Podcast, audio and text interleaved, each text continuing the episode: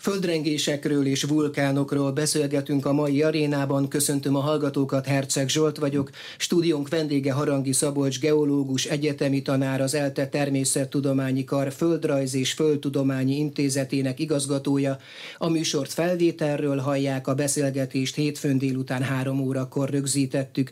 Köszönöm, hogy elfogadta a meghívásunkat. Köszönöm a meghívást, szép napot mindenkinek. Van miről beszélgetnünk, a Földfizikai és űrtudományi Kutatóintézet Kövesligeti Radó Szeizmológiai Obszervatóriumának közlése szerint szombaton délelőtt 11 óra 13 perckor a Békésvár megyei Gyoma Endrőt közelében a Richter skála szerint négyes erősségű földrengést regisztráltak. Mindössze három perccel később 11 óra 16 perckor a Jász-Nagykunszolnok megyei Turkeve mellett négyes, 12 óra 51 perckor pedig a Békés vármegyei Szarvasnál 2,8-es magnitúdójú földrengés történt, ezeket több utórengés követte, ezek sem voltak kicsik, de ön majd megmondja, szombaton egy 2,8-es és egy 3 és feles, vasárnap pedig egy 4,2-es és egy 3 és feles. Térben és időben is közel voltak egymáshoz ezek a földrengések. Ilyenkor ez egy földrengésnek számít, legalábbis az okait illetően? Így van, nagyon szép és pontos lista volt, tehát azt gondolom minden benne volt. Valóban ez egy nagyjából egy délnyugat észak-kelet irányú törésvonal mentén történt elmozdulás volt, és ez az elmozdulás több földrengéssel jár, tehát ez azt jelenti, hogy, hogy két kőzettest el mozdul egymás mellett, ott felszabadul egy, egy energia, egy szeizmikus energia, amely aztán hullámokat vet, és, és a, miután ennek a mélysége azt hiszem, hogy nagyjából 10 km mélységben volt. Tehát ez azt jelenti, hogy azért lehetett érezni elég széles területen. Voltak ezeknek a földrengéseknek előjelei, esetleg csak műszerekkel érzékelhető, de feltűnő földmélyi mozgások? Nem, nem tudjuk. Mondjam, azt gondolom, hogy így a helyes. Alapvetően az az álláspont jelenleg a tudomány nem tudja előrejelezni a földrengéseket. Vannak olyan nagy földrengések, amelyeknek mondjuk úgy vannak előjelei, de ez csak egy restprog, tehát egy, egy visszatekintve azt mondjuk, hogy hát igen, voltak már rengések, és aztán jön egy nagyobb földrengés. Tehát vannak, vannak ilyenek, de vannak olyan földrengések, mint például ez is, ahol gyakorlatilag a semmiből hirtelen egy földrengés elindul, tehát azt lehet mondani, hogy nem tudjuk előrejelezni a földrengéseket, szemben például a vulkánkitörésekkel, ahol van bizonyos esélyünk. E, jelenleg is vannak olyan kutatások, hogy e, mi vannak esetleg előjelek, de, de ez egy olyan dolog, amely lehet hasonlítani ahhoz, hogy egy, egy pálcikát, ha elmozdítunk, meghajlítunk, mikor tör el, vagy, vagy hogyha satuba fogunk egy, egy kőzet, vagy egy nem egy kőzet, mondjuk legyen inkább egy egyszerű eset, egy fatestet, és, és nyomjuk, nyomjuk, nyomjuk, akkor azon belül mikor lesz egy elmozdítás, mozdulás, tehát megvan nyilván ennek a fizikája, de, de rettentő nehéz ezt lemodellezni, és nyilván nem látunk le, hogy 10 km mélységben mi van. Azt, hogy most hétvégén Magyarországon pontosan mi okozta ezeket a földrengéseket, mi, mi mellett mennyire mozdult el, ezt már most tudjuk, vagy önök tudják? Az, hogy mennyit mozdult el, ebben még azt hiszem még azért szükségesek további munkák, de nem sokat. Tehát azért ez a négyes magnitudú földrengés nem olyan nagy, hogy itt látványos elmozdulás történjen, mint akár Törökországban vagy, vagy Új-Zélandon voltak olyan földrengések, ahol, ahol láthatóan elmozdult a ház mellett a kert, meg voltak ilyen események. Tehát azért ez egy kisebb. Az okokról azért azt gondolom, hogy vannak jó ismereteink, hogy mi miért történik. Megint csak a maradjunk a satuban, van a adriai kőzetlemez, tehát mindennek az alapját a lemez tektonika elmélete adja meg, ami azt jelenti, hogy, hogy a, a Földnek a külső része az nem egy merev, összefort réteg kéreg, hanem kisebb-nagyobb kőzetlemezekből áll, és ezek a kőzetlemezek mozognak egymáshoz képest. Ez elmélet egy bő 50 éves mindössze, de ez egy nagyon jó keretet ad a gondolkodásunknak, és uh, itt az a helyzet, hogy a adriai uh, kőzetlemez, ahol a Appennin félszeget is van, az óramutató járással ellentétesen mozog, és uh, nyomódik neki a, a mi területünknek is, nevezzük Kárpát-menencének, vagy mi Pannon-menencének nevezzük, tehát nyomódik neki, volt olyan időszak, amikor e, volt elég tér, és a kőzetlemezek tudtak még mozogni. Most már nem, mert eljutottak egy olyan helyzetre, ahol már a másik satupofa, amely a vastag ukrán pajzs, amely egy nagyon vastag, több mint 200 km vastag litoszféra van ott, kőzetburok, az nem engedi, és ilyen módon az történik, hogy a mi térségünket, amely sok-sok kis lemező áll, az nyomja neki ennek a, a vastag pajzsnak. És ez a nyomás az, amely időszakonként előidéz közetlemez vagy közettest elmozdulásokat. Alapvetően úgy néz ki a, a térségünk szerkezeti képe, hogy délnyugat-észak-keleti pásztában vannak olyan törésvonalak, amelyek nem olyanok most nem úgy kell elképzelni, hogy törés, tehát ott látjuk a törést, hogy úgy megy át a mezőn, hegyen, völgyen keresztül. Nem, ezek, ezek beforrott, beforrott kőzett testen belül lévő olyan, olyan repedések, amelyek valamikor működtek, és nagy az esély, hogy ismét ott mozdul el a, a kőzett test egymás mellett. Tehát van ez a, a nyomóerő, és akkor hol itt, hol ott, több ilyen e, törés pászta van, történik az elmozdulás. Alapvetően egymás mellett mozdulnak el a kőzettestek, ez azt mondjuk, hogy oldalmozdulásos e, e, tektonikai esemény történik. Magyar viszonylatban mennyire voltak erősek, nagyok ezek a hétvégi földrengések? Ilyenkor mi újságírók is mondjuk a Richter skálát beszélünk különböző fokozatokról, mhm. azt azért már megtanultuk, hogy ezek között egy szorzót kell alkalmazni, szóval ami hétvégén történt, az magyar viszonylatban mennyire volt nagy, mennyire volt erős. Vannak, voltak ennél erősebbek. A magyar viszonylatban a, azt mondjuk, hogy azért az ötösnél nagyobb erőségűek azok már, már olyanok, amelyek tudnak komolyabb károkat is okozni. Volt hatosnál, hatos magnitudonál nagyobb rengés, Komáron például, vagy korábban 470-es években Szavária, azok már azért erőteljesebbek, tehát egy fokozat között az egy ezres szorzó van, tehát ez, ez azt jelenti, hogy, hogy egy négyes és egy hatos között azért már nagyon nagy a különbség. A négyes magnitúdó az olyan, ami mondjuk évtizedenként néhány előfordul. Tehát 2013-ban volt, ha jól emlékszem, Heves, meg Nógrád megyében négyes magnitúdójánál jobb rengés, de nem voltak olyan rettentő károk ott sem, és azért hozzá kell tenni, hogy nem volt szerencsére sérülés sem, amennyire tudom, mint ahogy most is is úgy tudom, hogy nem volt ilyen, ilyen hatása a földrengésnek. Tehát azért ez nem olyan nagy, mint ami a sokan emlékeznek a törökországi esemény. A földrengés erőssége, amikor hallunk-e a skálának bizonyos fokozatát a híradásokban, az a földrengés hosszára, tehát arra, hogy hány percig tart, illetve a pusztítás mértékére is utal, vagy csak a felszabaduló energia mennyiségére? Az utóbbi, tehát a magnitúdó az a felszabaduló energia mennyiségére utal, amely hát a közembernek nem biztos olyan sokat mond.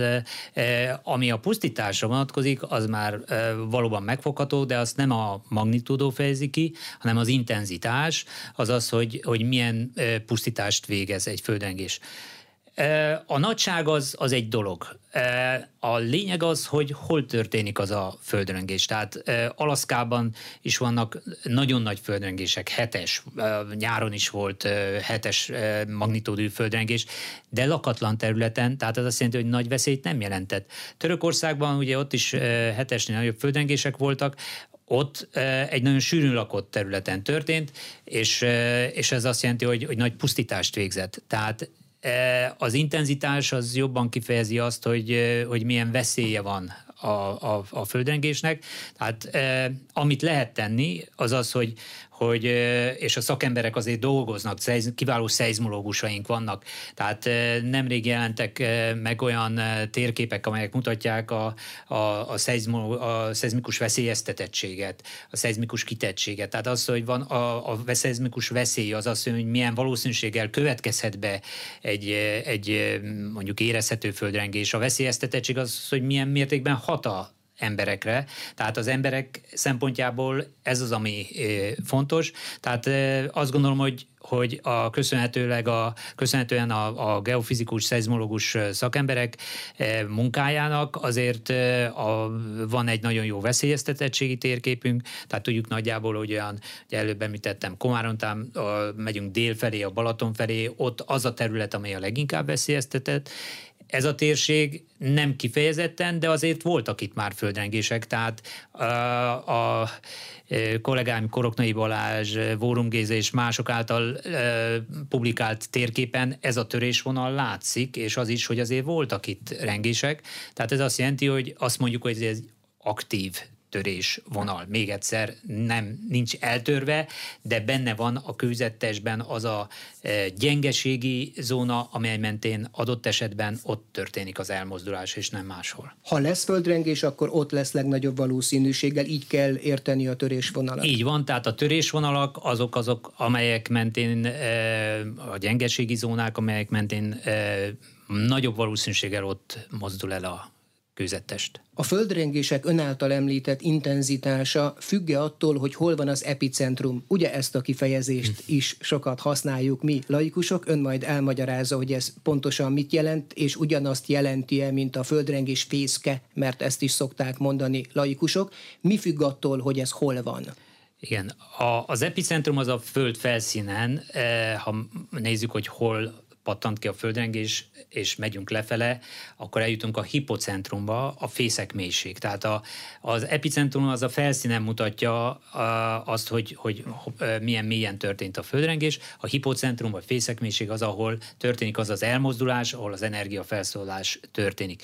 Hozzá kell tenni, az is nem egy pontban történik, hanem egy sík mentén történik az elmozdulás, és ezért van az, hogy ha megnézzük, hogy hol pattantak ki ezek a listázott földrengések, akkor tik-tik-tik-tik itt szóval egy, nem, nem egy helyen. Tehát több helyen, és ráadásul ez nem egy elmozdulás, hanem, hanem ez az elmozdulás ez olyan, hogy, hogy még fészkelődik egy ideig, ezért vannak utórengések.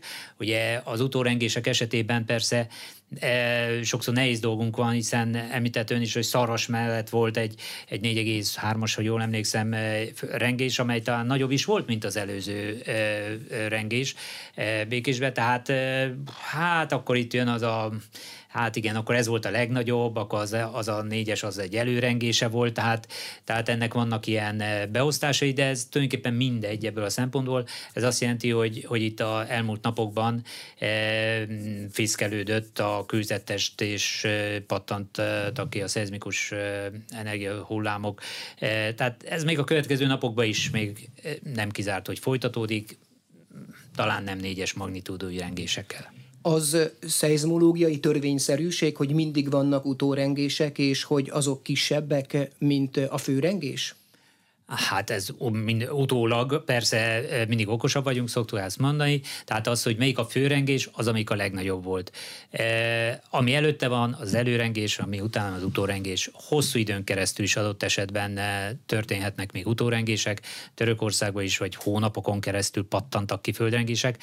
Ráadásul e, vannak olyan esetek is, amikor van úgymond feszültség átadás, tehát ha több törés vonal van egymás mentén, akkor lehet, hogy egy, egy rengés aktivizál találhat egy másik törésvonalat is, és ott is történik elmozdulás. Megint csak Törökországban volt egy ilyen példa.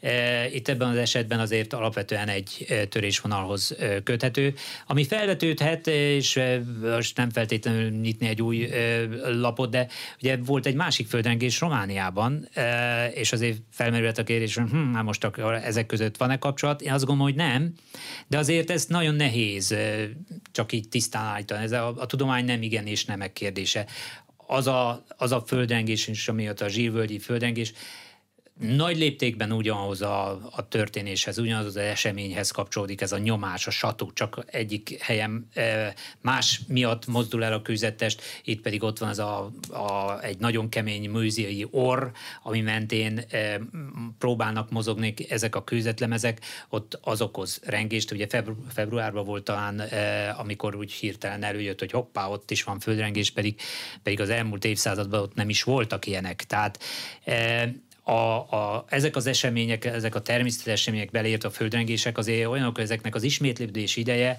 sokszor azért hosszabb, mint az emberi képzelet, ami átfog egy nap, egy hét, egy hónap, néhány mondjuk száz évet. Tehát az, hogy éppen akkor történik, az, az egy dolog, ez, ez így a természetben teljesen rendben van. Lent lassabban mennek a dolgok néha. Néha lassabban mennek, de az emberi agy, amely rá kattan erre a nagyon gyors világra, ha valami nem a, a közelmúltban történik, akkor olyan, mint a nem is lenne. Tehát azért hangsúlyozzuk azt, hogy tehát Magyarország azért nem egy kifejezetten földrengés veszélyeztetett terület, de ez nem azt jelenti, hogy nem lehetnek földrengések, és azért most bőven volt rá példa, hogy bizony azért lehetnek, és azért egy néhány évtized időtávlatban azért még akár ötös magnitudú földrengések is előjöhetnek, tehát lehet ennél nagyobb is. Még egyszer, az ezerszer nagyobb, mint ez, tehát azért ez összehasonlíthatatlan. Ezért nagyon fontos a szakemberek által lerakott és mindenki által elérhető, elérhető veszélyeztetettségi térképek, mert ez alapján lehet tudni, hogy hol a veszély. És akkor itt jön az a kérdés, hogy oké, okay, de akkor mit lehet tenni, akkor fel lehet készülni. Tehát szerencsére ezek a, az események rámutatnak arra, hogy, hogy igen, vannak földrengések, mit kell csinálni, a földrengés van, és akkor erre azért rá lehet készülni. Tehát nem lehet kivédeni ezeket az eseményeket, de rá lehet készülni. Ugyanúgy, mint megyünk az autópályán, tudjuk, hogy veszélyes fel kell készülni rá. Csak hát ez mindennapos dolog. A földrengések meg nem mindennapos dolgok, de ugyanúgy rá lehet készülni, és ez egy fontos dolog bízunk a legjobban, készüljünk a legrosszabbra. Említette is egyébként, hogy az emberi képzelet sokszor nem utazik vissza régebbi korokba, holott a geológiai események összefügghetnek. 1763. június 28 utána néztem, amiről ön beszélt, akkor volt Komáromban egy 6,3-es erősségű rengés, az a város egyharmadát elpusztította, több mint 60-an meghaltak. Ha egyszer volt ennyire erős, akkor ezek szerint bármikor lehet, vagy van ennek egy ismert ciklikussága, mint például tudja az üstökösök visszatérésének, vagy más természeti jelenségeknek, hogy körülbelül ennyi évtized, vagy évszázad, vagy évezred telik el, amikor, ha nem volt odáig nagy földrengés, akkor most már biztos lesz. Igen, nincs ilyen ciklikus, tehát nem lehet azt mondani, hogy minden év augusztus 12-én felnézünk az égre és jönnek az üstökösök, tehát a földrengések nem ilyenek. E, amit korábban is mondtam, nagyjából azt lehet mondani, hogy valószínűséggel e, tudunk kifejezni ismétlődési rátákat, e, ami alapul azon az ismereten, amit a szakemberek összeraknak, hogy mikor történtek e, földrengések, mekkorák voltak, ez alapján lehet összetenni, hogy, hogy, hogy mi a valószínűsége, hogy e, a következő, a jövőben valami bekövetkezik. Nem vagyunk megáldva a jövőbelátás képességével, nem tudunk előrejezni ilyen eseményt, e, tudjuk megadni, hogy néhány évtizeden belül lehetnek akár ötös magnitúdú földrengések Magyarországon. Nem tudjuk megmondani, hogy hol. Tehát igazán fontos hangsúlyozni, hogy van ismeretünk, e, van e, veszélyeztetettségi térkép, tehát ezzel tisztába lehet tenni, de senki ne várja el egy szakembertől, hogy a jövőt megmondja, hogy mikor, e, mikor fog valami bekövetkezni. Tehát azt lehet megmondani, hogy az esély megvan, hogy hol, az, az, az, az, az, az nem lehet megmondani, készülni kell arra, hogy lehet és különösen azon a területen, amely veszélyeztetettebb. Ennyi az, ami azt gondolom, hogy ez nem egy rossz útra való, nem egy rossz üzenet, eh, mert, eh, mert ez segíthet nagyon sok mindenen. Említette, hogy bizony vannak Magyarországon négyes erősségű földrengések, én össze is írtam, csak a mi életünkben 1985, 1989, 2006, 2011, 2013, 2019, ezek eh, különböző területeken uh-huh. Magyarországon négyes vagy annál erősebb földrengések voltak. Csak nekem tűnik úgy, hogy egyre gyakoribbak Magyarországon az ember által is érezhető, és nem csak a műszerek által jelzett földrengések, vagy ez illik a történelmi trendbe? Az elmúlt évtizedeket jobban ismerjük, tehát ahogy van műszeres megfigyelés, minél több az információ. Ugyanúgy, mint a földrengések esetében, vagy a vulkánkitörések esetében nagyon sokszor ez felvetődik, hogy nő a számuk, és ez igaz is. Nem az, hogy valójában nő a számuk, az ismeretünk nő. Tehát regisztrálva vannak ezek a rengések, tudjuk, hogy mikor történt. E, egy másik kiváló, nagyon e, kiváló e, szeizmológusunk, Bondár István az, aki, aki nagyon, tehát egy olyan algoritmus fejlesztett ki, hogy nagyon gyorsan meg tudják határozni azt, hogy hol a fészek mélység. Ez egy, ugye beszéltünk a fészek mélységről, de mi a jelentősége? Hogy az is, hogy minél gyorsabban tudjuk, hogyha sekély, akkor az azt jelenti, hogy nagyobb területen fogja éreztetni hatását a, a földrengés, hogyha ha mélyen történik, akkor kisebb területen eh, fogják, vagy eh, hát akkor pontosítok. Tehát, hogyha ha sekély, az azt jelenti, hogy, hogy egy kisebb területen intenzívebben fogják érezni, ha mély, akkor nagyobb a, a, a terület, ahol érzik, de nem lesz annyira erős. Okay? Tehát ez azt jelenti, hogy fontos az, hogy tudjuk, hogy hol van a, a hipocentrum, mert ez alapján azért a, a, a veszély esztetett terület az jobban körülhatárolható, és most már vannak azok az es, eszközök, amelyekkel jelzéseket leadva például jól körül határolni már azt is, hogy, hogy honnan érkeznek visszajelzések, hogy földrengést éreztem. Tehát most már az emberek is tudják, hogy vannak olyan e, e, helyek, a seismology.hu vagy a, a Kövesliget iradónak, a, ahol, ahol vissza lehet jelezni, hogy földrengést éreztem, és ez, ez nem egy csak egy olyan dolog, hogy jaj, jaj, én is éreztem, ez rendkívül fontos információ, mert ez alapján lehet jobban megtudni, hogy, hogy hol érzik, mekkora veszélyeztetett terület, esetleg hol kell közbelépni. Tehát tehát az elmúlt időszakról jelentősen javultak az információk, ezért tudunk többet. A felsorolt listából is tudjuk, hogy azért négyes erősségű földrengés, mindenki eldöntött, hogy ez most sok vagy kevés, de tulajdonképpen hm, hm, hm, azért nem tűnik olyan soknak, bár végül is van, aki meglepődik, jé, ennyi volt, de azért hozzátéve, hogy a négyes magnitúdójú földrengés azért nem annyira erős. Tehát az a, a 6,3-as komárom, az egy durva dolog volt. 1911-ben, jól emlékszem, Kecskeméten, Uh, ott is voltak uh, rombolások, vagy 56 Dunaraszti, tehát azok már erős földrengések voltak. Ezekből tudjuk statisztikailag azt mondani, hogy néhány évtizedenként várható egy ilyen? Említette a műsor elején, rögtön az elején a mihez tartás végezt, hogy a, véget, hogy a földrengéseket nem lehet előre jelezni. Gyermekkoromnak egyik kedvenc olvasmány élménye volt Fehér Klárának a Földrengések szigete című fantasztikus ifjúsági kalandregénye. Ez egy távoli utópiában játszódott, ahol az emberiség már minden bajt leküzdött, háborúkat, járványt, éhínséget, egyetlen dolgot még nem a földrengések előrejelzését, a regényben persze a végén sikerül is nekik. Ha most nem tudják előre jelezni a földrengéseket. Vannak olyan kutatások, vannak olyan tudományos eredmények és technológiai fejlesztések, ami alapján van megalapozott remény arra, hogy a tudományvilága egyszer majd eljut oda, hogy akár a helyet, akár az időpontot, akár az intenzitást illetően használható módon előre tudja jelezni a földrengéseket, vagy ilyet ne is várjunk el. Nagyon jó kérdés. Van-e szükség szeizmológusra, van-e szükség szeizmo, olyan szakemberre, akik ezt meg tudják tenni, mert az embereket ez érdekli. Elmegy hétvégén valóban kirándulni, az érdekli, hogy esik az eső, vagy nem. Meteorológusra van szükség, nem. Tehát említettem, ezt valószínűséggel lehet megadni. Vannak kutatások, például Magyarországon is a Sobroni Geofizikai Intézet munkatársai végeznek kutatást, van, vannak úgynevezett geodinamikai laborok kihelyezve Badacsonyba, vagy most már Romániába is helyeztek ki.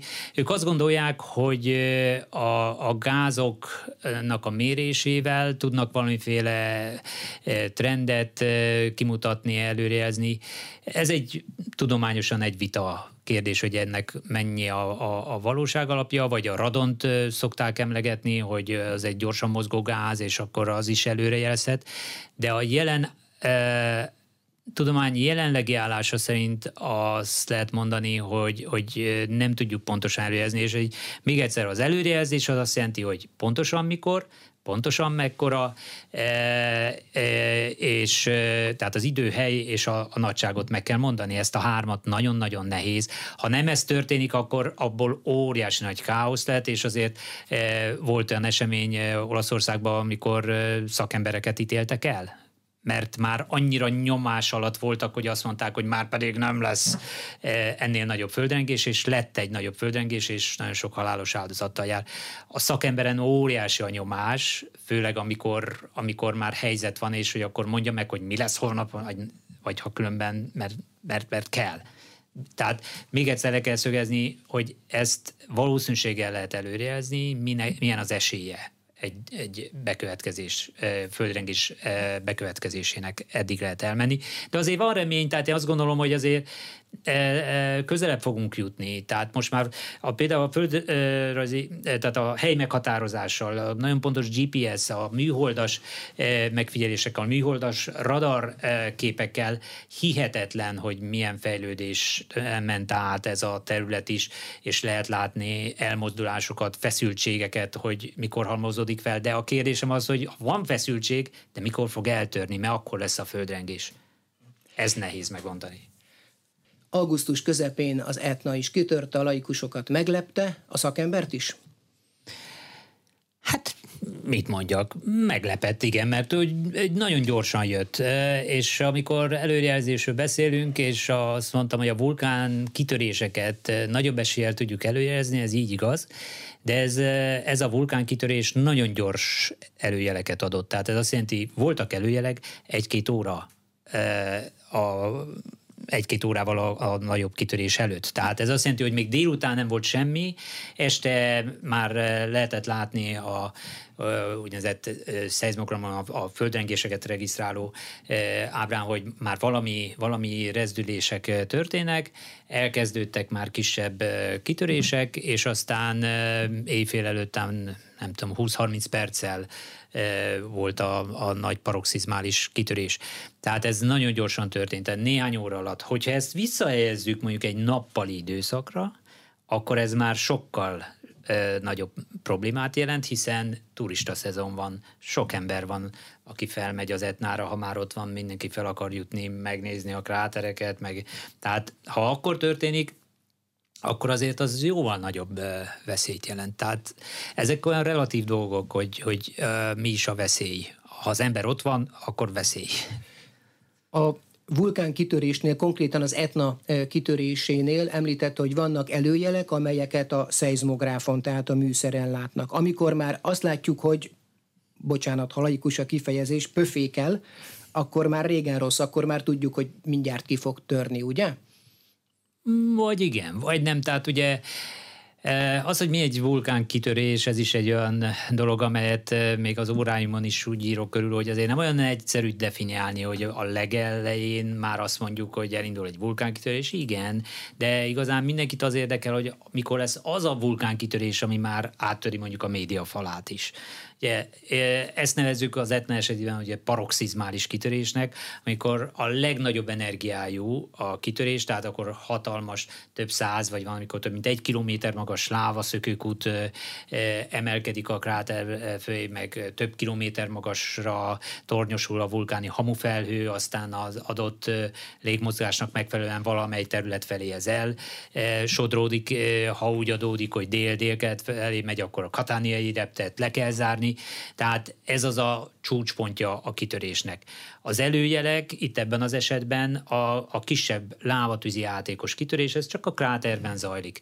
De most az elmúlt években már láttunk, látjuk azt a mintázatot, amely alapján fel lehet ismerni, hogy ez vajon eljut-e ez a paroxizmális kitörésnek, vagy heteken keresztül csak lávatűzi játék zajlik. Tehát ez egy dolog. A, igazán a, a, a szeizmográfon a, a földrengés mintázat az, ami egy fontos ismertet ad, tehát ugye beszéltünk földrengésekről, amikor két kőzettest elmozdul egymás mellett, az egy nagy jelként jelenik meg, ezt is néha látjuk már a, a közétett hírekben.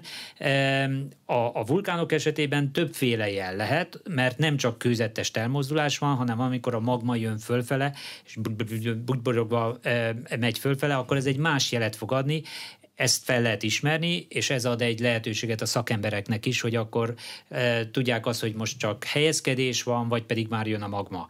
Igazán ez a kulcs a vulkáni kitörés előjelzésben, hogy a magma feljövetelét hogyan lehet észlelni, és hogyan lehet előrezni, hogy mikor fog felszínre jönni. Most azért volt valószínűleg nagyon gyors, e, mert e, beszéltünk már repedésekről, meg ilyenekről, és mondtam, hogy a, a, tehát itt Magyarországon is, tehát nincs olyan, hogy nagy repedést lenézünk, és ott vannak a kisördögök, hanem ott, ott zárva van a kőzetes, csak, csak ott van egy gyengeségi zóna.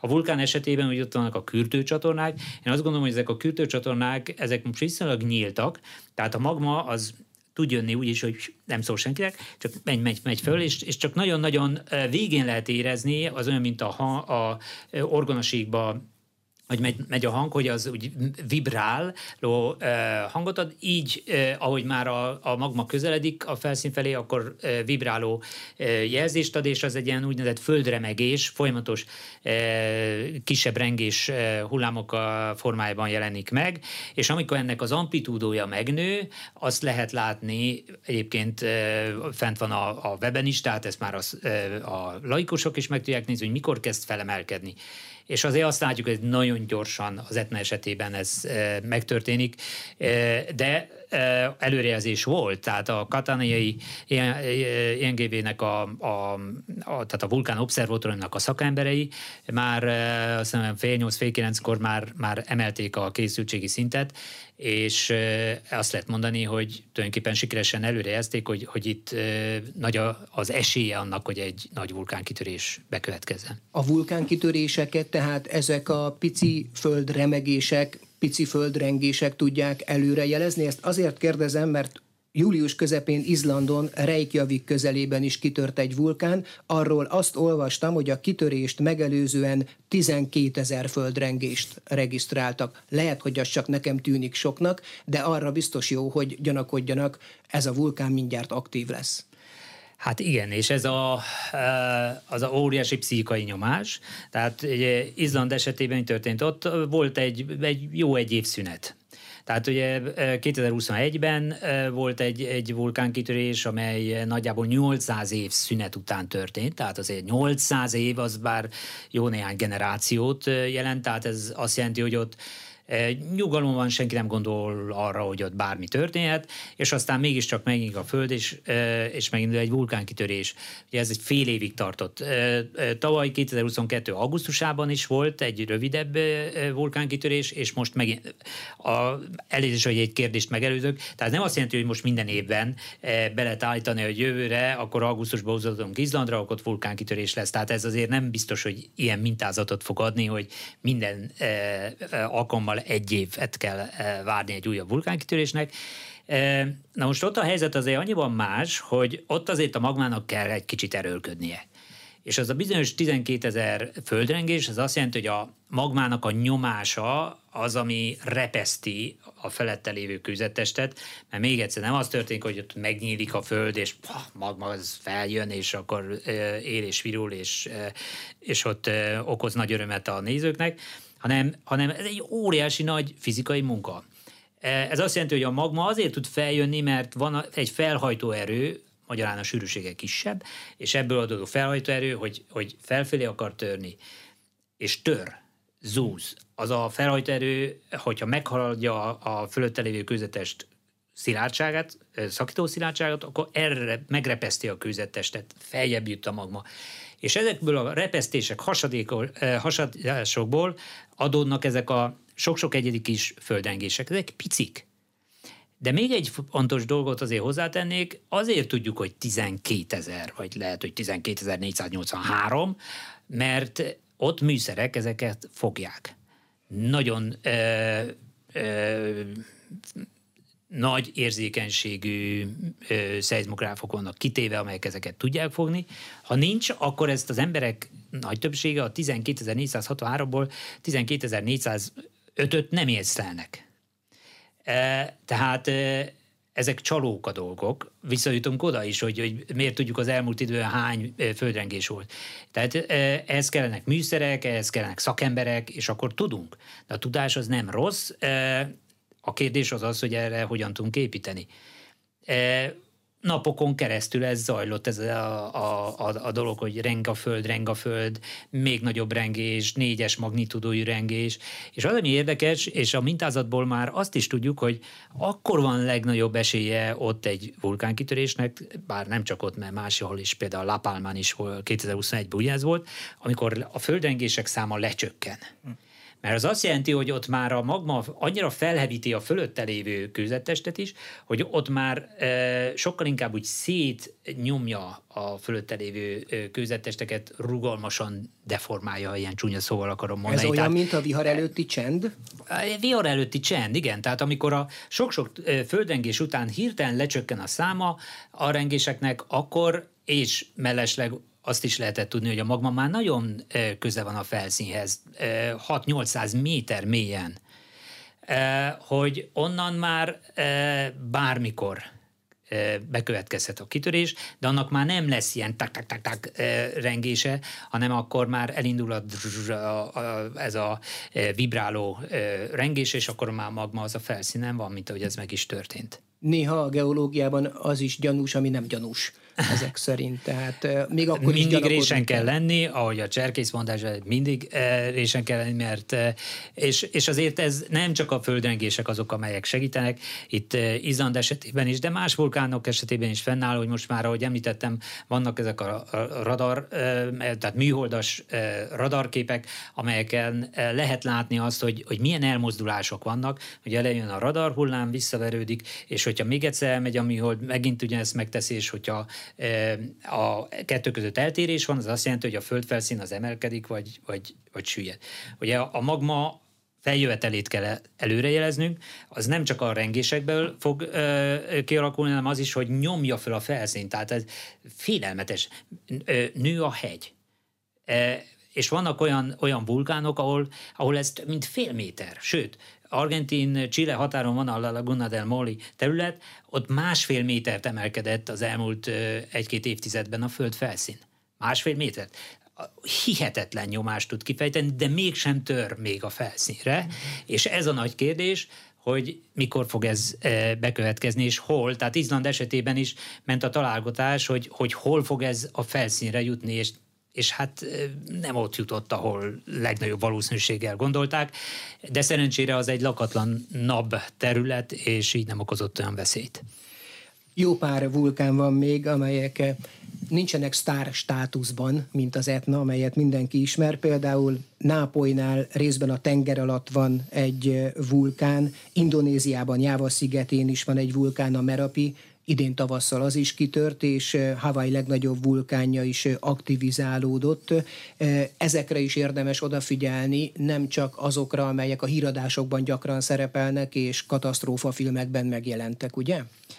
Hát igen, tehát vannak, hát ahogy mondta, igen, lehet ezt mondani, vannak sztárvulkánok, és vannak a szürke eminenciások, és vannak, amelyekről nem is tudunk, de nem biztos, hogy azok nincsenek. Tehát a, a, a, a nápolyi Campiflegrei vulkán, ami ugye, amikor azt mondjuk, hogy vulkán, mindenki azt gondolja, hogy szépen magasan tornyosuló, nagyjából szép, szabályos, szimmetrikus kúpalakú hegyről van szó.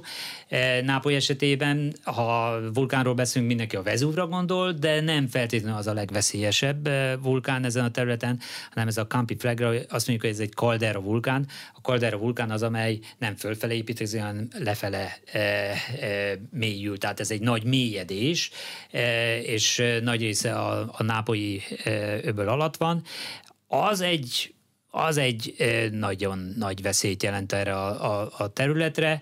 Egyébként megjegyzem most a napokban, ott aztán rengeteg földrengés pattant ki, tehát az azt jelenti, hogy egy aktív, nem azt jelenti, hogy a magma jön fölfele, nagy valószínűséggel a, a, a, a gázok azok, amik okozzák ezeket a földrengéseket, de ebből lehet tudni azt, hogy igen, ez egy aktív vulkán, és nem véletlenül a vulkanológiában a, a, a kalderák természetének a kutatása az egy, az egy kiemelt terület, hogy jobban megértsük azt, hogy, hogy ott, ott mi történik, és mi okozhat egy kaldera formáló kitörést, mert ezek a mélyedések úgy alakulnak egy hatalmas nagy robbanásos kitörés következtében. Olyan nagy mennyiségű vulkáni anyag jut a felszíre, hogy a magma tározónak a teteje az beszakad és ezért tulajdonképpen tálalakú lesz a, a, a vulkáni forma, és a, a felszínre került vulkáni anyag egy része vagy ebbe a tálalakú anyagba, a medencébe halmozódik fel, de messze-messze eljut, akár több, száz kilométer, több mint száz kilométer távolságba jutatnak azok a úgynevezett piroklasztárak, amelyek vulkáni gázok és törmelékek elegye és nagyon energetikusan több mint 100 km per óra sebességgel tudnak mozogni mindent elsöpörve. Tehát egy kalderoformáló kitörés az, az borzalom. Szerencsére nem e, volt még ilyen a, a, a megfigyelésnek a, a közébe, tehát ez az elmúlt évszázadokban nem voltak ilyen e, kalderoformáló kitörések. Bár megjegyzem, a Hunga-Tonga eh, vulkán kitörés eh, tavaly januárban az azért ilyen volt, de az víz alatt történt, tehát ott csak a, a, a, a, azt követő kutatások mutatták ki, hogy ott egy masszív beszakadás történt, tehát egyfajta kaldera alakult ki, és a víz alatt történtek ezek a piroklasztár mozgások. Ha ez a felszínen történik, akkor az, az, az nagyon durva eseményt okoz. Egy vulkánkitörés alkalmával milyen anyagok jutnak ki a környezetbe, és azok milyen hatással vannak rá? Beszélt gázról, magmáról, kőről, kőzetről, ezek milyen hatással vannak a környezetre, és akár van-e összefüggés tűzhányókitörések és globális klímaváltozás között? Igen, egy vulkán nagyon sokféleképpen eh, képes kitörni, és a, a vulkanológi munka, a vulkanológusnak a munkája az azt jelenti, hogy megérteni azt, hogy hogyan működnek a vulkánok, akár milyen gyakran történik a, a vulkánkitörés, eh, egy vulkánon hol történik. A Etna esetében ugye azért most alapvetően a csúcsi területen történnek a, a vulkánkitörések, de a legnagyobb veszélyt az nem ezt adja, hanem amikor oldala hasad fel, és lávafolyások indulnak el, ott, ahol már a települések feljöttek. A veszély, a vulkanogé veszély az elsősorban abból adódik, hogy egyre nagyobb a népesség, egyre jobban felkúsznak a vulkánok oldalára, elfoglalnak vulkáni területeken, mint például La Palma területén is, annyi új ház épült, ahol ahol adott esetben, és meg is, be is következett 2021-ben, hogy, hogy felnyílhat a föld, és vulkántörés lehet. Tehát ez adja a veszélyt, vagy akár az új-zélandi Auckland városa, amely rátelepült egy, egy vulkáni mezőre, ahol bármikor lehet egy vulkán kitörés. Tehát ezek adják ezt a, a, a veszélyt. Az a kérdés, hogy hogyan történik majd egy ilyen kitörés, nagyon-nagyon különbözik. Miért szeretünk mi emberek ennyire vulkánok mellett, urambocsá vulkánokon élni? E, igen, sokszor úgy is felhangzik a kérdés, hogy minek mennek oda az emberek, e, veszélyes egy vulkán. Valami oka Jó, biztos van, biztos mert a Pompeiektől mai napig nagyon sokan csinálják van, ezt. Mert, mert nagyon nagy az előny. E, egyrészt, amikor nem működik a vulkán, akkor is a vulkáni talaj az nagyon-nagyon produktív rengeteg eh, kávé, szőlő, tehát olyan rizs termesztő területek vannak, amelyek vulkáni talajon vannak, produktívak, nyomelemek, a, a, a porozitás az nagyon eh, elősegíti azt, hogy ott eh, termékenyebb a talaj. Tehát az emberhez vonzódik, különösen a nagy népességű területeken Persze, hogy oda mennek az emberek, ahol, ahol produktívabb a, a, a talaj és élelmiszerrel el tudják látni a, a családot, meg a környezetet, tehát, tehát megvan ez a ez a, a hatás. A másik pedig az, hogy, hogy terjeszkedik az ember, tehát La Palmán is lehetne mondani, hogy ott hát nem egy nagy sziget, de azért lehetne máshol is építkezni, vagy éppen a havai nagy szigetet, ha mhm. vesszük. 2018-ban ott a kertekben tört fel a, a magma és, és, és folyt a láva, mert felosztották ott a, azt a térséget, felparcellázták, eladták, építkeztek, ott, ahol még 40 évvel ezelőtt lávafolyás volt nem egyszerűen értetetlen, hogy, hogy hogy lehet ezt, ezt, ezt engedélyeztetni, de, de megtörtént, és aztán felnyitott is a föld, e, és, e, és a, a láva az elpusztított e, településeket, a vakáció, vacation landet, tehát, tehát, tehát a, még egyszer a veszély az, az nem a vulkánkitörés nagyságától függ, hanem az, hogy az ember ott van-e. Ugye Nápoly az azért egy kifejezetten veszélyeztetett, mert hát millióan laknak, több millióan laknak. Elképesz, tehát hogyha ha a Vezúv elkezd egy kicsit motorolni, vagy a, a, a Campi Flegrei területen, ott a 80-as években volt egy, egy olyan veszélyhelyzet, ahol több tízezer embert kitelepítettek már de azóta is még többen élnek ott, és hogy ez hogyan lehet levezényelni egy ilyen kitelepítést, arra nincsen nincsen még gyakorlatunk, tapasztalatunk. Mint ahogy arra sincsen tapasztalat, amit nem felejtettem a kérdését, hogy vajon a, a klímát hogyan befolyásolja a vulkán kitörés. Nem azért, mert olyan baroly nagy sok vulkáni hamu kerül a, a légkörbe, hanem a gázoknak van itt szerepe. Ezen belül is elsősorban a kéndioxid gáz, amely a magmából kiszabadulva, hogyha mennyisége az eléri a néhány millió tonnát, és a, a vulkánkitörés során eljut a stratoszférába is, ez a, a magas légkörnek a, már az a része, ahol eléggé ritka a levegő, tehát ott, ott néhány évig is e, ott tud maradni, ráadásul reakcióba lép a, a oxigénnel és a vízgőzzel, és kénsav aeroszolokat műkür kis, picirki, kis cseppecskét fog létrehozni, tehát a kéndioxidból kén sav arról szól. Ez nagyon rosszul hangzik. Ez már igen, ez már rosszul hangzik, de a, a rosszabb hír az az, hogy ez a, a stratoszférában szétterjed, ott kialakul egyfajta, mint egy szőnyeg, és a bejövő napsugarakat visszaveri. Azaz a napsugarak nem fognak a felszínre jönni, azaz a felszínen lehűlés lesz. És a nagy vulkánkitörések esetében, ahol ez az esemény sor bekövetkezett, tehát ez egy fontos, hogy, hogy lássuk a receptet, hogy, hogy ez mikor történik, akkor az er, a vulkánkitörés utáni néhány évben lehetnek ilyen nagyon-nagyon hideg telek, hideg nyarak. 1815-ben kitört a Tambora több ezer év szünet után, kitört a Tambora vulkán Indonéziába, és több mint 40 km magasra jutott a kitörés felől, bent volt a stratoszférába, 120 millió tonna kéndioxid, tehát elképesztő mennyiség, és 1816-ot a történelem könyvek úgy írják nyár nélküli év. Akkor történt ugye a egy nagyon erőteljes kivándorlás is, már Észak-Amerikába. Nagyon sokan telepesek eljutottak ott a keleti partvidéken, és jött egy olyan nyár, ahol elfagyott a termés katasztrofális helyzet alakult ki. Akkor indult a vagy nyugat felfedezése, mert akkor tovább kellett menni, és go to west, menjünk tovább. Tehát azok a következmények, hát az, hogy Napóleon is elvesztette a Waterloo-i csatát, az egy olyan mellékszál, de valahol azért ott is voltak olyan történések, olyan, olyan vihar, és akkor eső áztatta el a, a csatateret, hogy nem tudták ott a tankokat húzni, vonni, tehát valahol a zavar támadt a, a, a gépezetbe, e, és nem működött olyan jól ez a, a haditechnika. E, vagy a kolera járvány, ez 1817-ben a Ganges partjáról indult el. Miért? Azért, mert, e, mert szárazság volt, nem jött a monszun eső.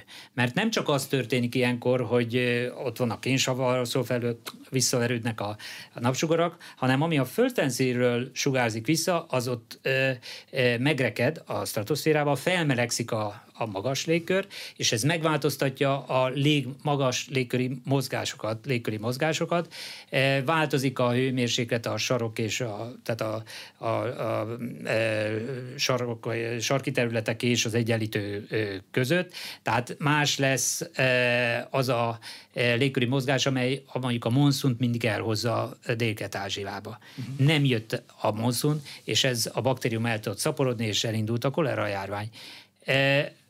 Nagyon-nagyon sokat tudunk most már arról, hogy a történelmi időkben hány olyan esemény történt, ahol egy társadalom megrogyásához, vagy akár összeomlásához valamilyen módon egy vulkáni kitörés, egy vulkánkitörés okozta klimatikus környezeti változás járult hozzá.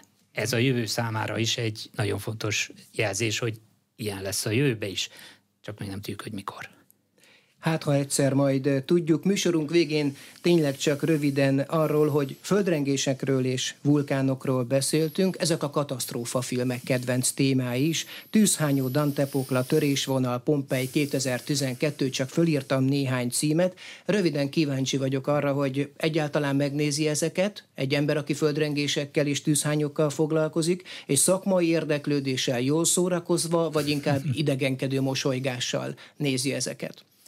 Nem, érdeklődően, sőt, minden évben van a, a kutatók éjszakája, és amikor elindult ez a, a kezdeményezés, mi csináltunk egy olyan programot is, ahol bemutattunk ilyen filmeket, a Földrengés című filmet, a Dante Poklát többek között, és, és arról beszélgettünk az érdeklődőkkel, hogy mi a, a fikció, mi a valóság. Sok badarság van benne?